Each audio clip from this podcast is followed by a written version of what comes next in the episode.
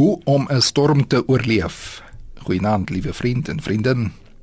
Het jy 'n bedrywighede gehad? Was dit rustig? Wel, ek weet dat wanneer ek hierdie teksgedeelte nou voorlees, ek en jy of onlangs uit 'n storm gekom het, of jy jouself in 'n storm bevind, of nog in 'n storm sal ingaan. Vanaand sal ek net een teksgedeelte uitlig en twee lesse daarbey voeg. Uit Matteus 14 lees ek: Nadat Jesus die mense weggestuur het, het hy alleen na die berg toe gegaan om te bid. Toe dit antwoord, was hy daar alleen. Die boot waarin die disippels geroei het, was reeds 'n paar kilometer van die kus af en is deur die golwe getuister, want die wind was van voor. Met dagbreek die volgende môre het hy op die see na hulle toe aangeloop gekom. Toe sy disippels hom op die see sien loop, het hulle groot geskrik en gesê: "Dis 'n spook."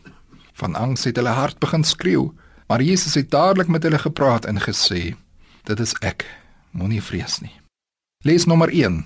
Storms kom dikwels op wanneer ons as disippels in gehoorsaamheid Jesus volg. Let op, Jesus stuur sy disippels weg. Ons kan ook sê dis omdat hulle gehoorsaam was dat hulle in een van die grootste storms beland wat hulle nog ooit beleef het. My liewe vriend, vriendin, wanneer jy in 'n storm beland, beteken dit nie noodwendig jy het altyd 'n verkeerde besluit geneem nie. Hoë golwe is nie van selfsprekend die duiwel en sy trabante wat teen jou opstaan nie. Die Bybel noem wel sulke gevalle, maar siekte en werksverlies gebeur nie noodwendig weens 'n verkeerde leefstyl nie. Maar die ervaring van 'n storm kan ook gebeur op grond van 'n goddelike bevel aan jou om te gaan, sowel as aan die natuurelemente. Want storms vorm en leer vir ons. Les nommer 2: Leer vir ons om aan God se beloftes vas te klou en om nog groter dinge van God te verwag. Dit lyk vir my asof die disippels reeds goed geskool was om op Jesus te vertrou. Hulle klim in die boot sonder Jesus en toe die storm losbars, het hulle aangegaan. Hulle het nie gevrees nie. Maar toe Jesus op die water na hulle toe aangestap kom, toe skrik hulle hulle self boeglam. So iets het hulle nog nooit gesien nie en dit ook geensins van Jesus verwag nie.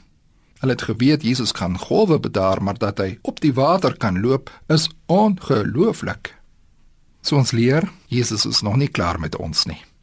Tree vir tree berei ons voor vir groter en nog groter openbarings en opdragte. Wat staan ons te doen wanneer die wind en die golwe teen ons staan, is om met alle erns om God se beloftes te bou. In die Bybel is oorvol van goeie genadige woorde van God soos wanneer Jesus met sy disippels ja vir jou en vir my sê wees gerus dit is ek. Moenie bang wees nie. Amen